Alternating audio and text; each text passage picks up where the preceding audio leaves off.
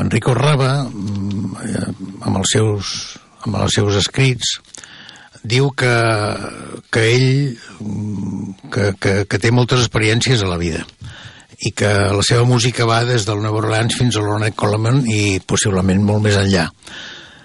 Amb influències de tota mena, influències de música clàssica, de música popular italiana, eh, sentiments d'Amèrica del Sud, també diu, eh, en certa, d'alguna manera eh, que aquests sentiments són la seva segona casa, amb el tango, amb música brasilenya, eh, tot això barrejat, però continua dient, eh, diu, m'encanta fer junts aquesta cosa que encara essencialment és jazz, però que també inconfundiblement és la meva música.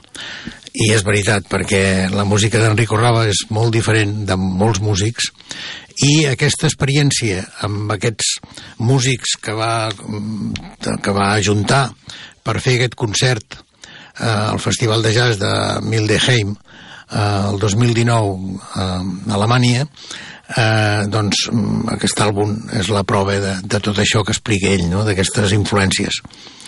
Eh, recordo que hi ha el Giovanni Gildi amb el piano, saxo tenor Francesco Bearzati, eh, la guitarra eh, el Francesco Diodati, contrabaix Gabriel Evangelista i el bateria Enrico Morello. Precisament aquests dos formen un bon grup un, no, no un bon grup, uns bons moments amb una combinació fantàstica amb aquesta peça última que posarem, que és les coses habituals. Aquí també hi ha aquesta cosa que li agrada a Enrico Rava, que és ajuntar dues composicions, en aquest cas totes dues són d'ells, la primera és les coses habituals i la segona és diva. Uh, aquesta és una de les peces que, que li encanta tocar eh, i que hem portat aquí el programa fa molt de temps amb aquells duets fantàstics d'ell i l'Estefano Bollani amb el piano. Eh, mm, aquí també el porta i és la composició eh, número 5 de les, de les 6 que forma aquest àlbum. La última és una cosa especial, que és el Quizás, Quizás, Quizás, que tots coneixeu, i bueno, els crítics diuen que haver portat com a última peça aquesta vol dir que l'Enrico Rava i els seus músics ho estaven passant molt bé i estaven disfrutant. Uh, aquí, amb aquesta que sentirem, uh, els tan fantàstics, tots els músics, i jo vull destacar el, el Giovanni Gildi amb el seu piano que fa uns moments increïbles junt a el que s'ha dit el Francesco Diodati el guitarrista i el baix que també fan una combinació meravellosa. Anem amb aquestes dues últimes per tancar aquesta representació d'aquest àlbum de l'Enrico Rava eh, que s'anomena edició especial i que podeu trobar a l'ECM amb la referència 2672 editat el 29 d'octubre del 2021 eh, bueno, anem, anem escoltau eh, les coses habituals i el diva.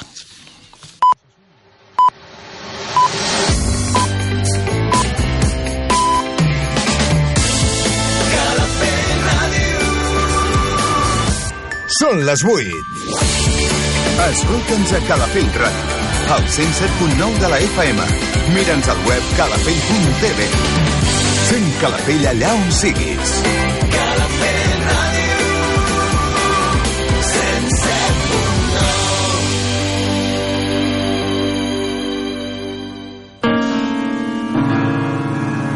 L'Hora del Jazz. Un programa que t'apropa als millors compositors i les obres del gènere més rellevants. Ramon Robuster dirigeix i presenta L'Hora del Jazz, els dimecres de 8 de la tarda a 10 de la nit, amb repetició els diumenges a partir de les 11 de la nit.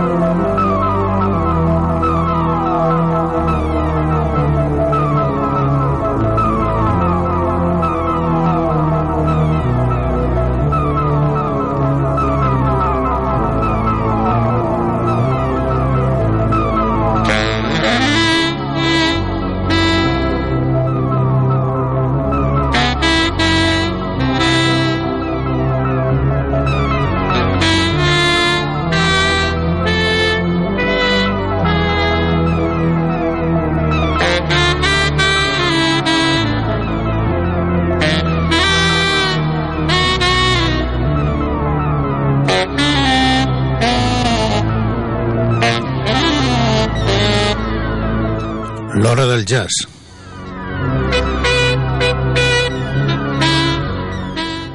A l'Edu al control i Ramon Robuster amb els guions i el que us parla.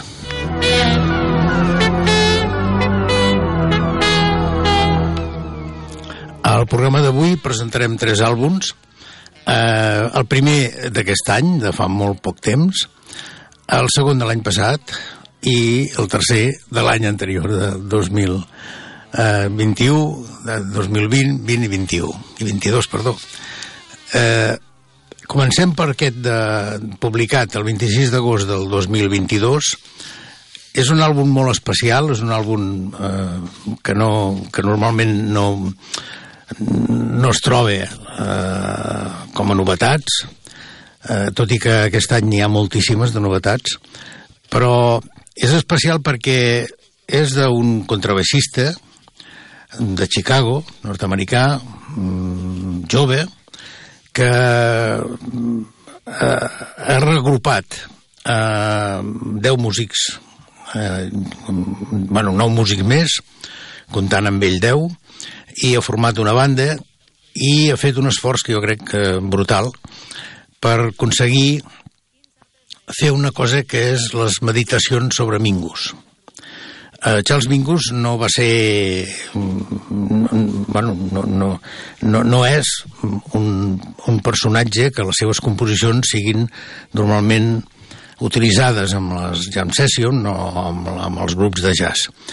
Per què? Perquè és un home que tenia sempre la seva música una, un, un gran esperit, un, posava el seu esperit al servei de la música i també un lluitador contra totes les coses que no ens agraden d'aquest món, no? Eh, per tant, eh, aquest esforç que ha fet eh, el senyor Ethan eh, Filion, que és com s'anomena aquest eh, contrabaixista, jo realment no el coneixia, i no el coneixia perquè aquest àlbum és el primer àlbum que, que té tot i que porta moltes, molt, molt, un currículum importantíssim a la zona de Chicago i per als Estats Units, com per exemple que va guanyar el concurs de jazz de la Societat Internacional de Baixistes del 2019 o que va, ha tingut diverses beques de diversos instituts, de l'Institut de Chicago, amb una beca el 2022, eh, va, va ser també del jazz Lumen Arts de Chicago del 2020, va ser uh, uh, un dels quatre beneficiaris de la beca també. Per tant és un i ha tocat amb molts grups amb, amb, un quartet bàsic d'ell en el que um, els tres músics que l'acompanyen normalment amb el quartet també estan dintre d'aquests deu. Uh, anem a anomenar amb aquests deu músics i el que farem serà començar a posar a part d'aquestes vuit composicions que formen aquest àlbum, eh, com és lògic, totes aquestes composicions són de Charles Mingus i això està eh, dintre de lo que podríem ser eh, l'esforç que molta gent està fent perquè enguany eh, faria 100 anys si estigués viu Charles Mingus. Eh, com sabeu, Charles Mingus va morir eh, molt jove, als 56 anys, el 1979, de, de la ELA.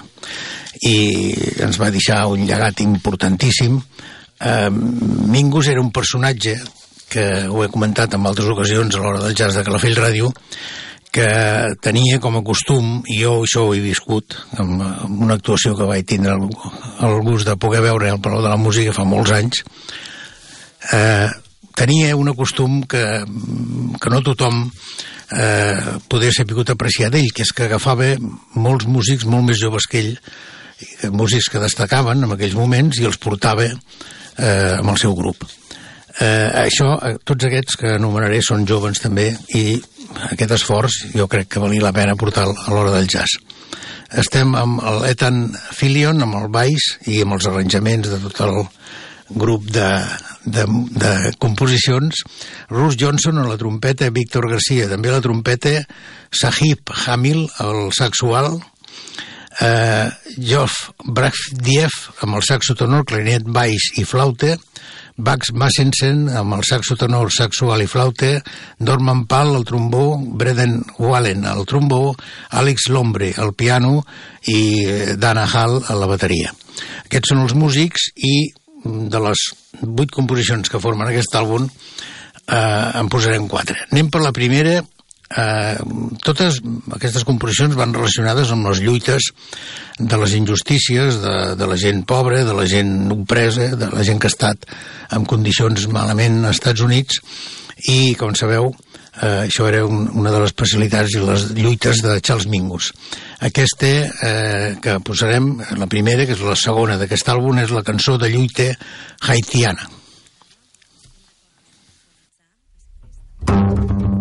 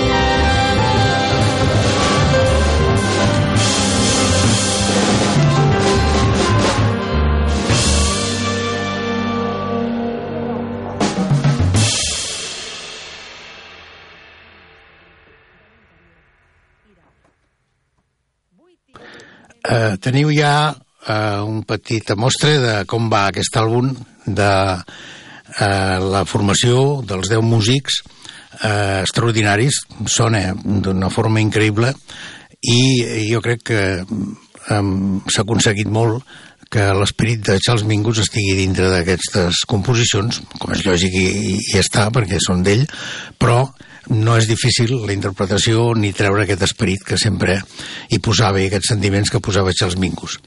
Anem per una que tots coneixeu, que és el eh, Pithecanthropus erectus, que això, segons deia Mingus, explicava, eh, és un retrat eh, musical eh, sorprenent de l'Homo sapiens que passa de símil, de, de, de ser un simi a ser un humà eh, aquí veureu que hi ha una, una orquestació magnífica amb una infinitat de veus i una infinitat de petits tocs i de petits solos que fan que l'orquestra aquesta, podem dir com una orquestra o la formació de 10 músics, sona increïble.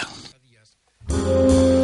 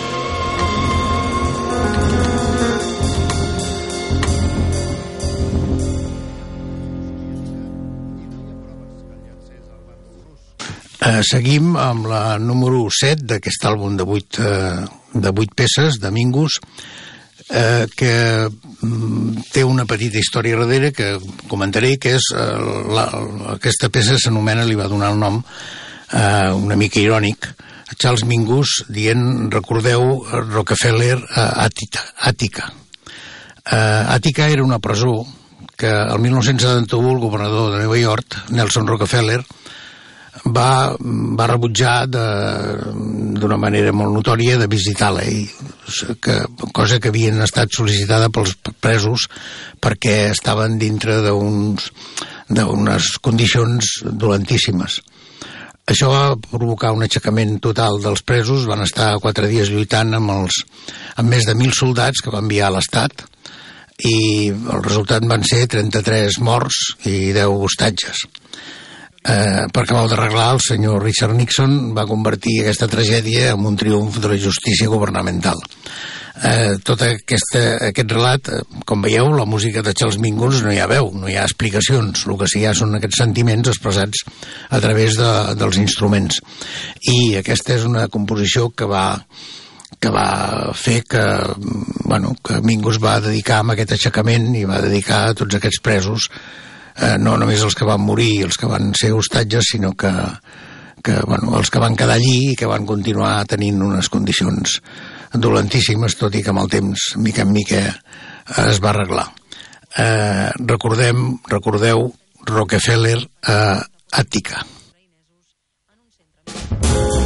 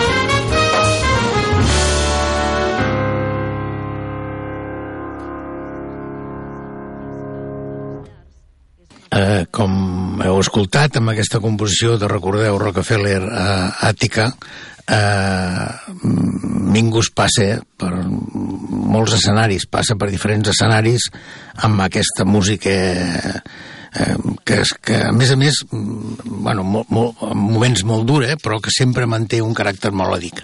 Això era una característica bàsica de, de Charles Mingus una de les importants de Charles Mingus i aquí està molt ben instrumentat i els arranjaments del senyor Ethan Fillion doncs són fantàstics i deixarem aquest àlbum amb, amb la composició número 8 que és la que tanca aquest CD de 8 composicions que per cert eh, no, no us he dit que està publicat el, aquest agost passat per Sunicide Records de New York.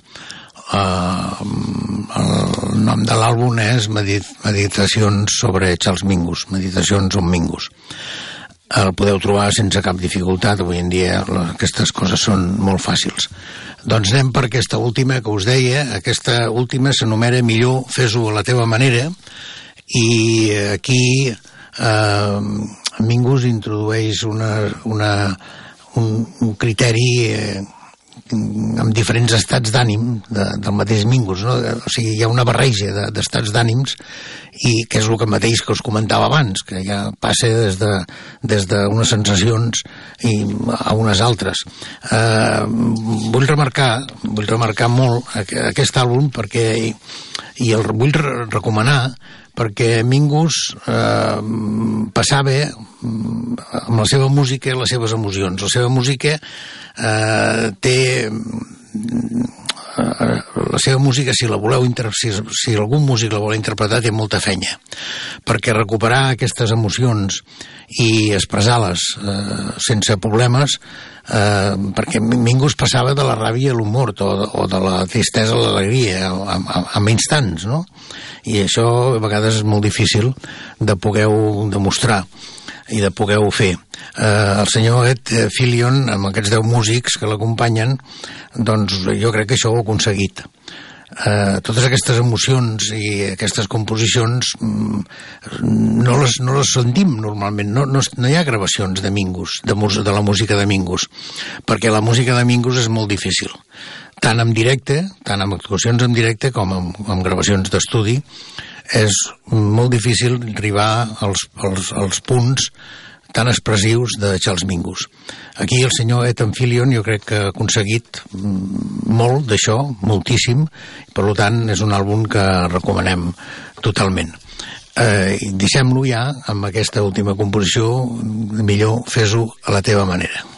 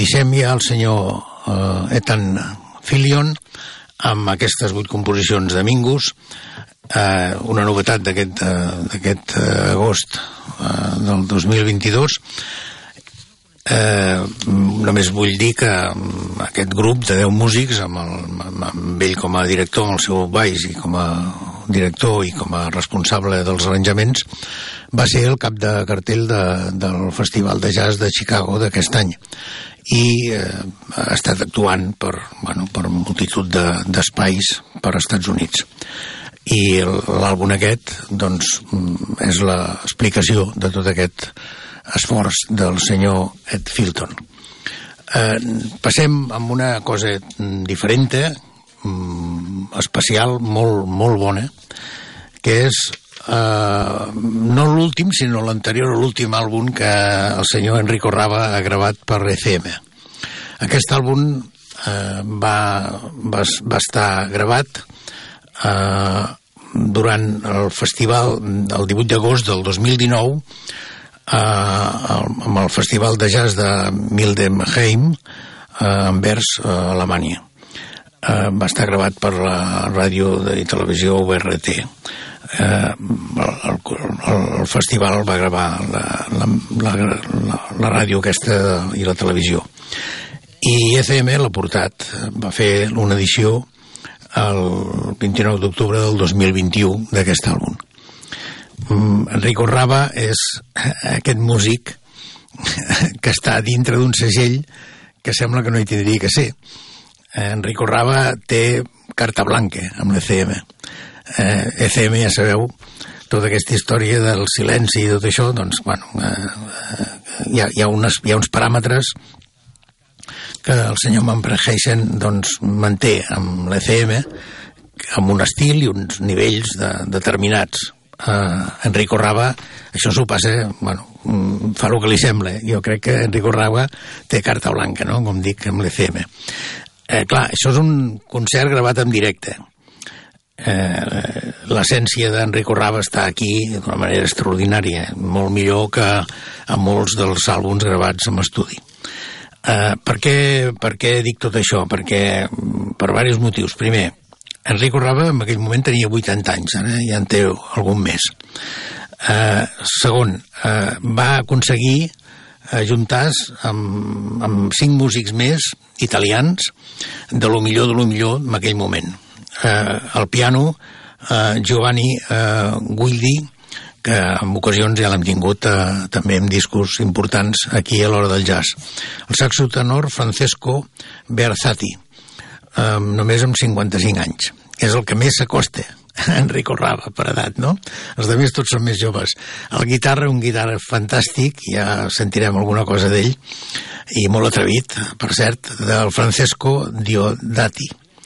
El contrabaix, el Raviele Evangelista, aquest, eh, en aquell moment estava a 34 anys, i a la bateria l'Enrico Morello, que segons el mateix Rava diu és el millor bateria italià en aquell moment i que també només tenia, només té, o tenia en aquell moment, eh, el 2019, 34 anys. Eh, abans parlaven de que Mingus eh, s'ajuntava, eh, portava amb, amb, els, amb els festivals i amb els seus quan estava per aquí a Europa, almenys, jo el que havia vist i el que sempre amb, el, amb molts àlbums consta és que eh, se, se juntava amb músics joves eh, Enrico Rava també ho fa. I Enrique, i això suposo que li porta una frescor i, un, i una qualitat extraordinària amb aquest grup.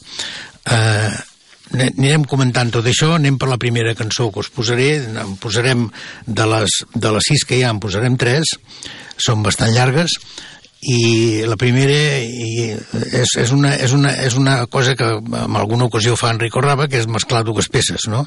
Eh, el, el primer tram, ja veureu que que, que, que coneixeu tots. Eh, hi havia una vegada a l'estiu, això és una, és una composició del Michel Legrand, i després ho enganxa un tema per a Jessica eh, Tatum, que és una, dedicada a Jessica Tatum, que és una composició d'ell, de l'Enrico Rava.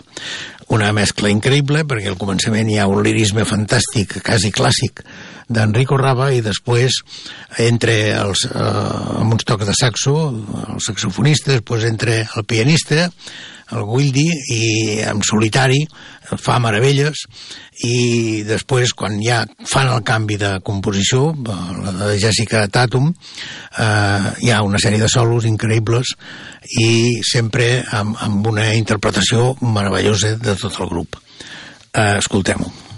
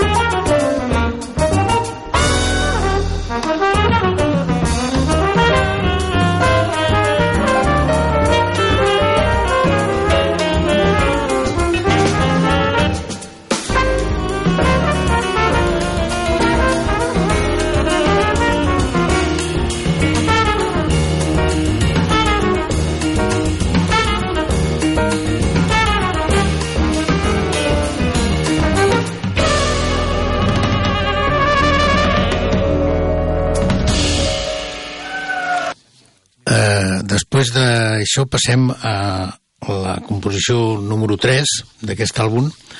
Uh, la composició número 3 s'anomena Dansa Salvatge, és una composició de grup del, del Morelo, del Rava, del Diodati, de l'Evangelista i del Petrella i mm, abans ho comentava que el, el guitarra Francesco Diodati que és un personatge important dintre de la música amb aquest instrument a Itàlia i que a més a més eh, és molt atrevit i té, bueno, és molt creatiu. Uh, aquí uh, aquesta peça de fet va, va ser ja composta i va ser interpretada abans d'aquest concert amb una gravació que, que jo recordo que del 2015 de l'Enrico Rava Quartet eh, i era poder un dels temes principals d'aquest àlbum. Això va ser un altre dels discos d'ECM, que per cert aquest àlbum d'ECM d'Enrico de, el número 18. Eh, com us he dit, n'hi ha un altre posteriorment, després ho comentarem. I possiblement el portarem també a aquí a l'hora del jazz més endavant. Eh, bueno, anem per aquesta peça que hi ha uns, uns, unes coses importants, unes coses... L'he volgut posar especialment perquè a lo millor molts de vosaltres us sorprendreu perquè hi ha un, hi ha un, hi ha un moment en què el guitarrista comença a fer una sèrie de, de distorsions i amb un so que està flotant, que queda flotant a l'aire, i d'una manera juxtaposada, juxtaposant el, el seu fiscorn, Enrico Rava, va donant tot uns tocs i quan ho explica això, Enrico Rava diu que això són núvols de sons núvols de sons. Una descripció fantàstica de tot això. Anem a escoltar-ho. Dansa salvatge.